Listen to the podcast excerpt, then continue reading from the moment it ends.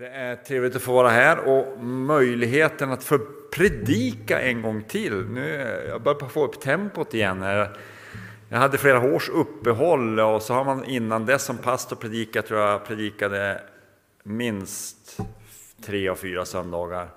Så eh, det var skönt att ha en paus under ett antal år, men nu, nu har jag fått öka tempot lite grann, men det är också roligt. Eh, vi är ju i en serie under fastan på väg till korset. Och vi har gått några steg på den vägen.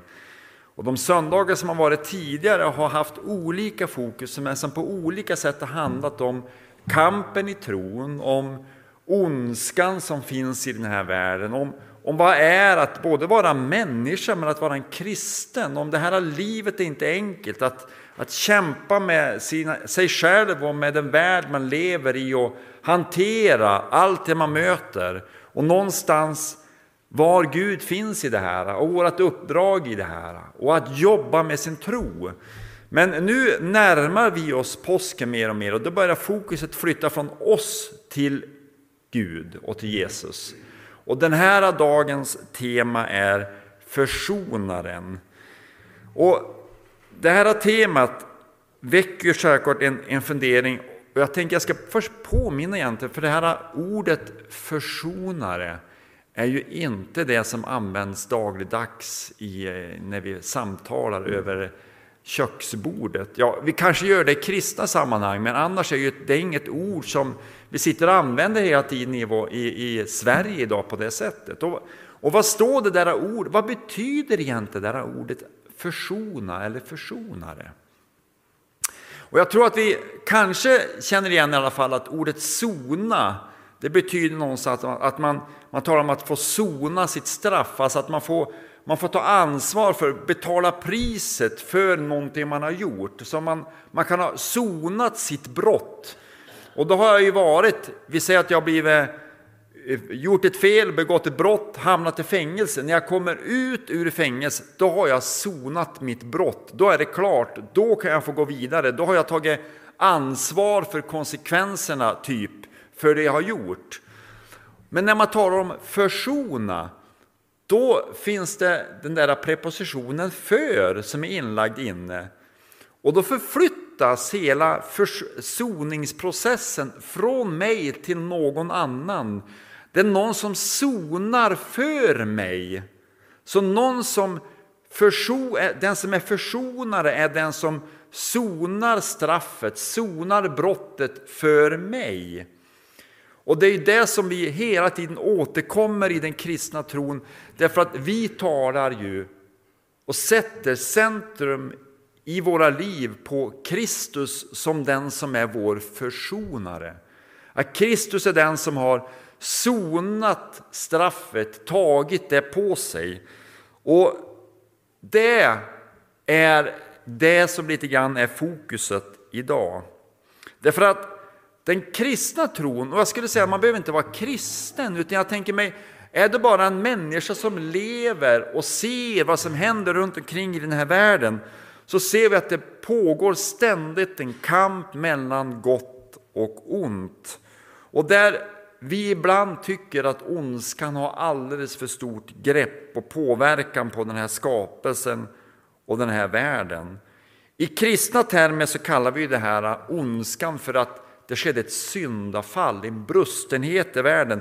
Det hände någonting som förändrade utgångsläget och tanken med skapelsen till att vi idag ser ondskan omkring oss.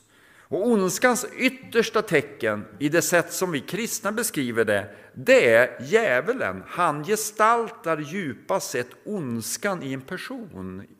Så i djävulen så ser vi ondskans yttersta tecken, men ondskan blir synlig i det vi brukar kalla för synd. Och det där ordet är också ett sånt ord som vi inte alltid tycker är så roligt att prata om, för det är så negativt upplever det. Men det är ett ord som beskriver de handlingar vi gör som är färgade av ondskan. Och här ryms allt det som Paulus räknar upp på flera ställen i Bibeln, bland annat i Galaterbrevet om girighet, själviskhet, begär, hat, vrede, hämnd. Alltså allt det som jag tror vi alla inser, det här är inte gott. Det här är destruktivt, både för mig och för omgivningen. Så ondskan blir synlig genom saker vi gör eller saker vi drabbas av i våra liv. Och ondskans yttersta konsekvens är döden.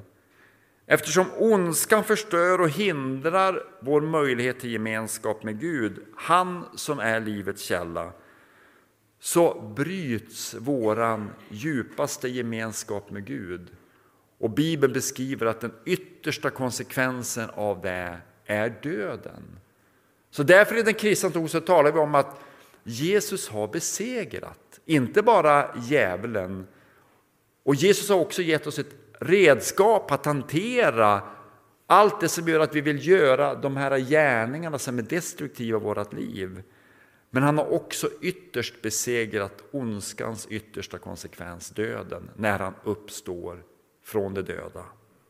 Och genom honom får vi liv. Det är egentligen det som det här allting kretsar kring och det är den stora berättelsen i den kristna tron.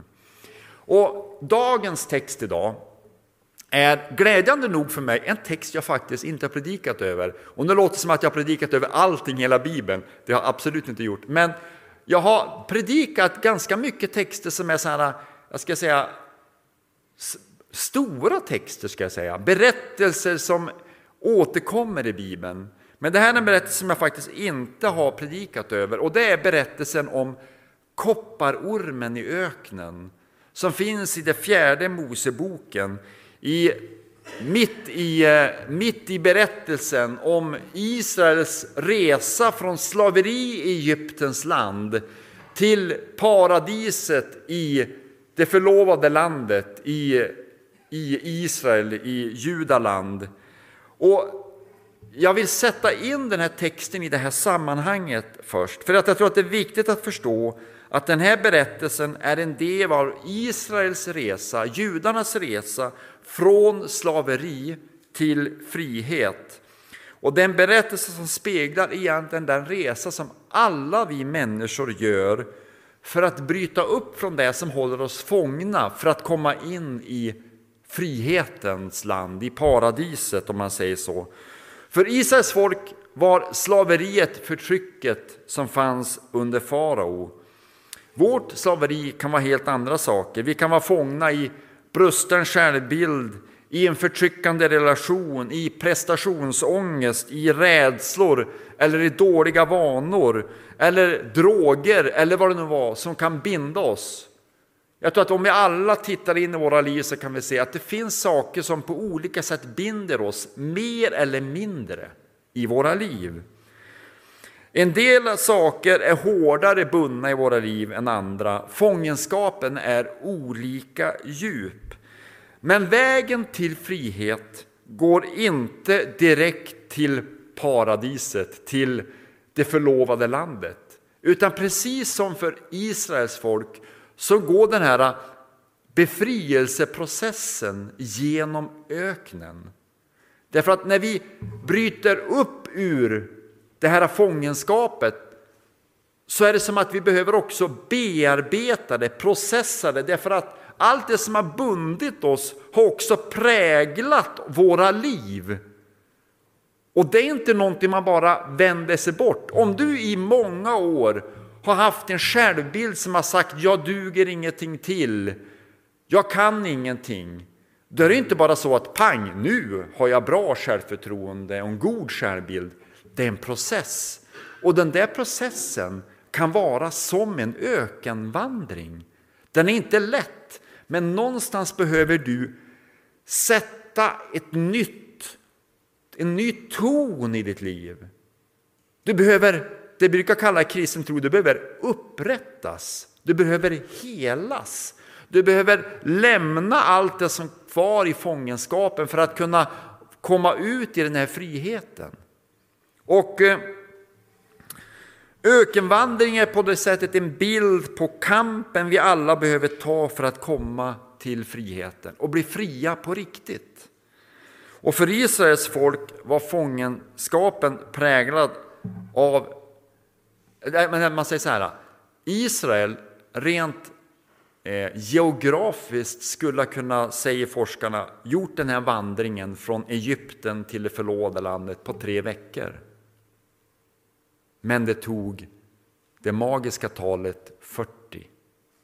Men inte bara 40 dagar, utan 40 år.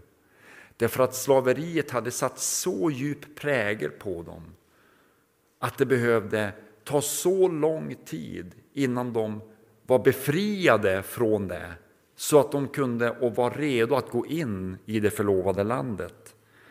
Så det handlar någonstans om allas vår att behöva hitta en ny identitet.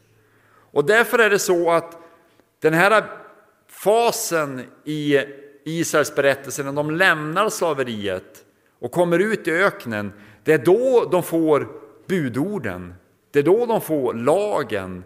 Det är då de får allt det där. Och det får de därför att Gud sätter en ny identitet. Han vill skapa ett nytt folk. De är inte slavar längre, de är någonting nytt. Och därför ger han dem budorden och lagen för att hjälpa dem att få en ny riktning, en ny identitet, för att de ska förstå vilka de var. Men berättelsen, om ni kan den, visar ju på att folket väldigt fort börjar vända tillbaka. De säger det var bättre förr. Eller man börjar också söka en annan identitet. Man börjar på leta efter avgudar. Så när Mose går upp till berget för att ta emot budorden, då gör de en kalv av guld. Därför att de söker en ny identitet, men de söker på fel ställe. Och Mose står där hela tiden i den här berättelsen som någon form av medlare mellan folket och Gud. Men inte ens Mose är fullkomlig, utan när vi kommer alldeles strax till den här berättelsen jag ska berätta, det är en lång inledning här, så håll i er. Så kan vi se hur, hur kapitlet innan, i kapitel 20 i fjärde Mosebok, då kan man läsa om hur folket är törstiga och de håller på, håller på att törsta ihjäl. Och då säger Gud till Mose att du ska tala till klippan så kommer det komma ut vatten ur klippan. Men Mose gör inte det, utan irriterad och förbittrad och arg på folkets beteende och varför de hela tiden vänder sig bort från Gud så står att så berättas att, att Moses slår med staven på klippan. Vatten kommer ut. Det är fascinerande att Gud låter ändå vattnet komma. Men det står också i berättelsen att Mose någonstans går emot Guds vilja och gör inte som Gud säger. Inte ens Mose som var så god på så många sätt, var inte fullkomlig som förebedjare för folket. Och därför ryms det i den här berättelsen också en insikt om att det behövs någon som är ännu bättre än Mose. Någon som kan vara den här förmedlaren, men fullkomlig förmedlare. Och genom hela den här berättelsen så leder Gud folket genom en molnstod och en eldstod Berättelsen om Exodus, om den här vandringen, är en berättelse om hur Gud leder sitt folk genom sin ande. Med molnstoden på dagen och eldstoden på natten. Men hela tiden är det egentligen en brist i förhållande till det vi nu vet idag. Därför att här leder anden med, med bilder på utsidan. Med en molnstod som de kan se på, anden som går före dem och leder dem. Men så kommer vi, när vi kan berättelsen, till Apostlagärningarna 2 och där kommer anden över lärjungarna som en vadå? Jo, en eldstod. Som ett tecken på att nu är inte anden utanför och leder, utan anden har flyttat in i oss och leder oss på ett helt annat sätt idag än i den berättelsen. Så det här är alltså en, mitt i den här stora berättelsen som ryms då den här berättelsen om kopparormen. Och nu ska vi läsa den. Usch. Det här var en lång inledning. Så här står det då i fjärde Mosebok 21 kapitlet, vers 4 till 9. De bröt upp från berget Hor i riktning mot Sävhavet för att gå vägen runt Edom. Under vandringen blev folket otåligt och klandrade både Gud och Mose. Varför har ni fört oss ut ur Egypten för att dö i öknen? Här finns inget att äta och dricka. Vi är utleda på den usla maten. Då skickade Herren ormar mot folket, giftormar som bet israeliterna så att många av dem dog. Folket kom till Mose och sa, vi syndade när vi klandrade Herren och dig. Be till Herren att han tar bort ormarna från oss. Mose bad för folket och Herren sa till Mose, gör en orm och sätt upp den som ett fälttecken. Var och en som blir biten ska se på den, så får han leva. Och Mose gjorde en orm av koppar och satte upp den som ett fälttecken. Den som blev biten av en orm såg på kopparormen och då fick han leva. Så här har vi den här berättelsen om hur folket klagar än en gång. De vill tillbaka. Det var bättre förr. Och de klandrar både Gud och Mose för den här situationen.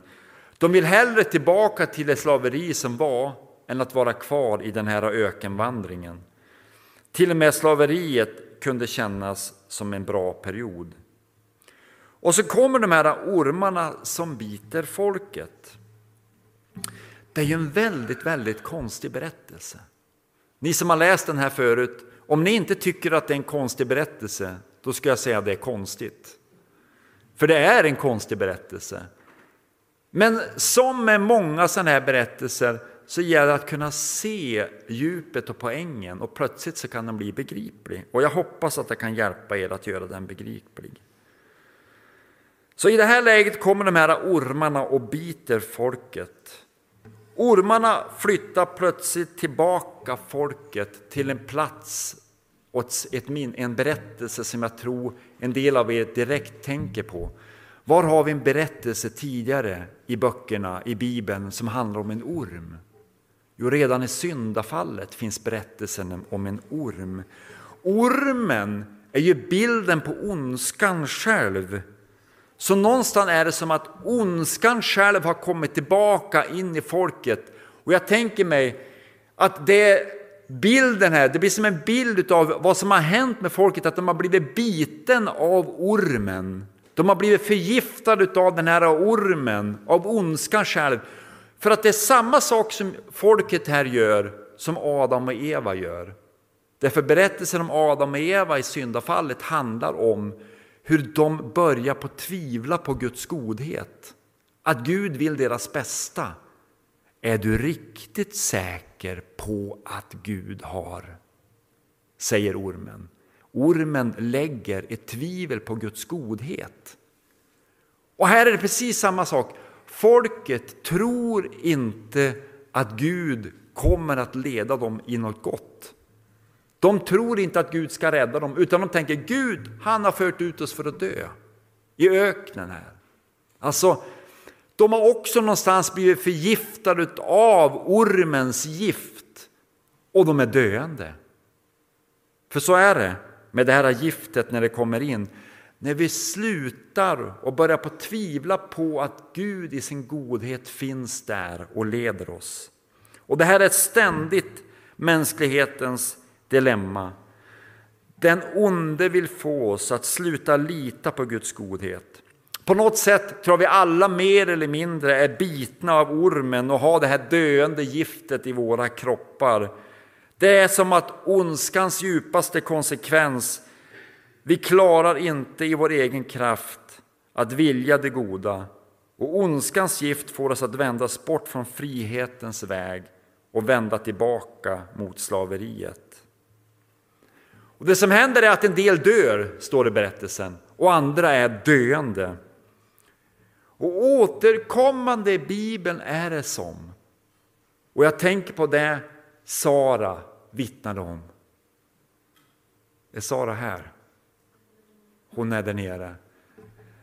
Det är ju Guds ledning att hon vittnar. Tänker jag. För vad var hennes vittnesbörd? Jo, var det en farfar.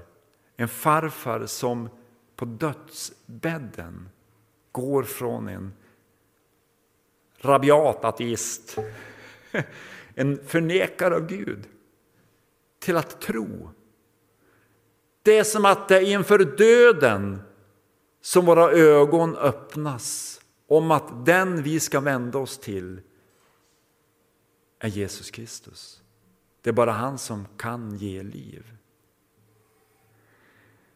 Det finns en sång av Leonard Cohen. Jag vet inte om någon av er har lyssnat på Leonard Cohen. Han, är ju, han är, lever inte längre. Han dog för något år sedan. Väl. Och han har skrivit ett antal sånger och en gammal sång av honom heter Susanne. Och den sången handlar om, bland annat om när Jesus kommer gående på vattnet, när lärjungarna är i båten och det stormar på vattnet. Och då sjunger Leonard Cohen så här. And Jesus was a sailor when he walked upon the water and he spent a long time watching from his lonely wooden tower. And when he knew for certain only drowning men could see him, he said, All men will be sailors then, until the sea shall free them.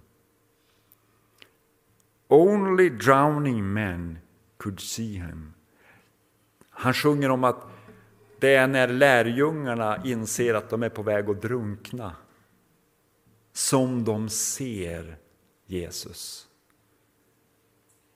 Och det är ju sorgligt att det är så att vi människor så många gånger fungerar så att det först inför döden, inför insikten om att jag inte klarar det här själv, som jag vänder mig till Gud. Men här ryms evangeliet i den här berättelsen. Här ryms försoningen. För den här berättelsen om kopparormen, det är ju en berättelse om ormen som är förbannelsen själv, förbannelsen själv, som vänds från att vara en förbannelse till en välsignelse. Och det finns fler berättelser återkommande i Bibeln och i fjärde Mosebok som har samma berättelse, samma karaktär. Ni som kan Bibeln vet om att det finns en väldigt annan, väldigt konstig berättelse om i Biliam och Biliams åsna som förekommer några kapitel innan. Och Biliam var ju en präst hos en annan eh, gud eller kung. Han tillbad, han var inte kristen. Och han får ett uppdrag att han, att han ska förbanna Israels folk. Och när han ska försöka förbanna Israels folk och gå, kommer gående där med sin åsna så talar Gud genom åsnan till Biliam och säger du ska inte förbanna Israels folk, du ska välsigna Israels folk. Och Biliam kämpar med hur han ska göra men oavsett vad han säger så blir det till en välsignelse. Alltså, Gud vänder förbannelse till välsignelse. Och här är ju den berättelsen att ormarna som är förbannelsen som biter folket och dödar folket så säger Gud till Mose, gör en orm av det, sätt upp det på en pinne och låt folket titta på det så ska de bli räddade. Räddningen kommer inte av att Gud tar bort ormarna, folket ber om det. Snälla, be till Gud att han ska ta bort ormarna. Men Guds lösning är inte att ta bort ormarna utan Gud tar förbannelsen, så att säga, sätter upp den och den förbannelsen blir till en välsignelse. Känner ni igen den här berättelsen? Plötsligt så flyger vi in i Nya testamentets texter om det här. Och till Johannes evangeliets tredje kapitel där Nikodemus en sen natt i mörkrets ensamhet smyger över till Jesus för han vill veta vem Jesus är. Och han börjar på att ställa frågor. Och det Nikodemus vill försöka förstå det är, är du den du säger att du är? Är du den här Messias? Är du den vi har väntat på? Och i det samtalet kan man säga så kopplar Jesus plötsligt tillbaka till den här berättelsen i fjärde Mosebok. Och det står så här, eller Johannes skriver så här, där Jesus säger detta. I kapitel 3, vers 14-18. Liksom Mose hängde upp ormen i öknen så måste Människosonen upphöjas för att var och en som tror på honom ska ha evigt liv. Så älskade Gud världen att han gav den sin enda son för att de som tror på honom inte ska gå under utan ha evigt liv. Ty Gud sände inte sin son till världen för att döma världen utan för att världen skulle räddas genom honom. Den som tror på honom blir inte dömd, men den som inte tror är redan dömd eftersom man inte trott på Guds enda sons namn. Liksom Mose hängde upp ormen i öknen så måste Människosonen upphöjas. Korset, det var den värsta förbannelsen som kunde drabba en romare. Drabba en del, den som var en del av det romerska riket. Och Paulus säger så här i Galaterbrevet 3, så här skriver han. Kristus har friköpt oss från lagens förbannelse genom att för vår skull ta förbannelsen på sig. Som det står skrivet, förbannad är var och en som hängs upp på en träpåle. Alltså, Guds evangelium, det är att det som är en förbannelse kan Gud vända till en välsignelse.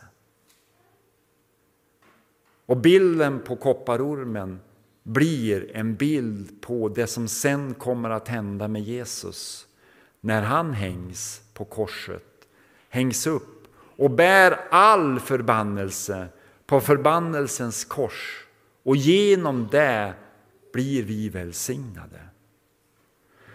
Men evangeliet är inte bara det, att Gud kan ta förbannelsen och göra det till en välsignelse, utan evangeliet är också i den här berättelsen, alltså det goda budskapet är också hur Gud säger att människorna ska agera.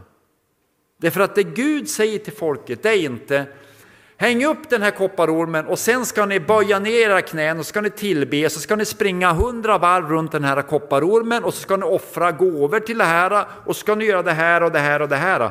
Nej, vad är det som Gud säger att folk ska göra? De ska se på kopparormen. Det krävs ingen handling, det krävs ingen prestation, utan det räcker med att se på honom.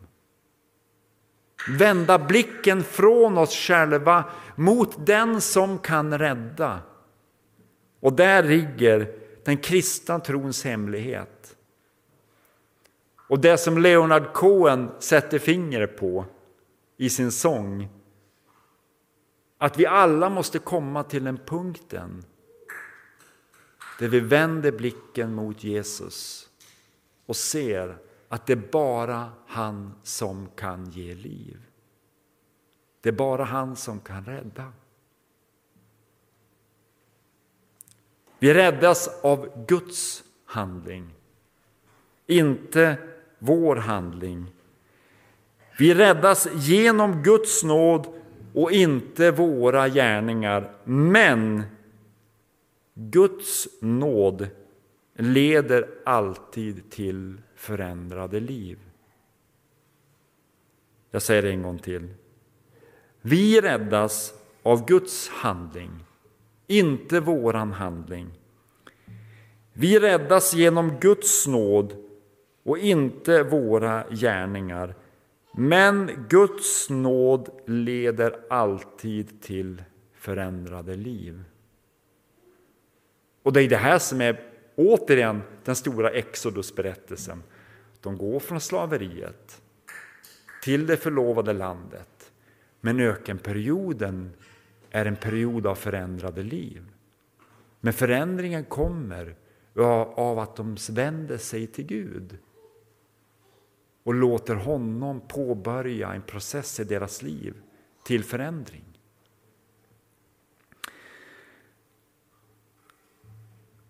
Jag ska avrunda.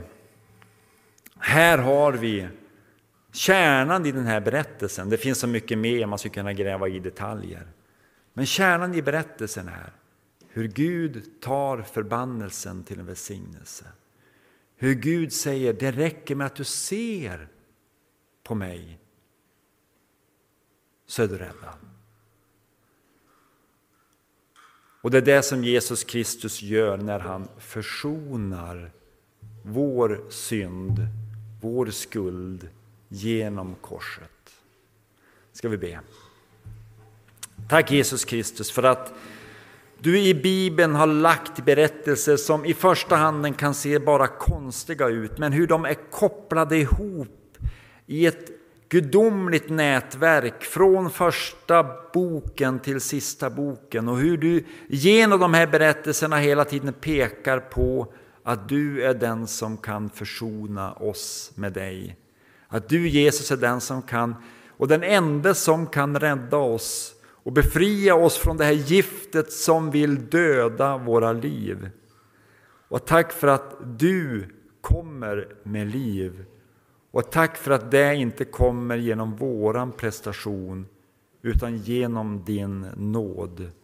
Hjälp oss alla att se dig, att vända blicken mot dig och låta du, dig, genom din Ande få fylla våra liv med nytt liv. Det ber vi om i ditt namn. Amen.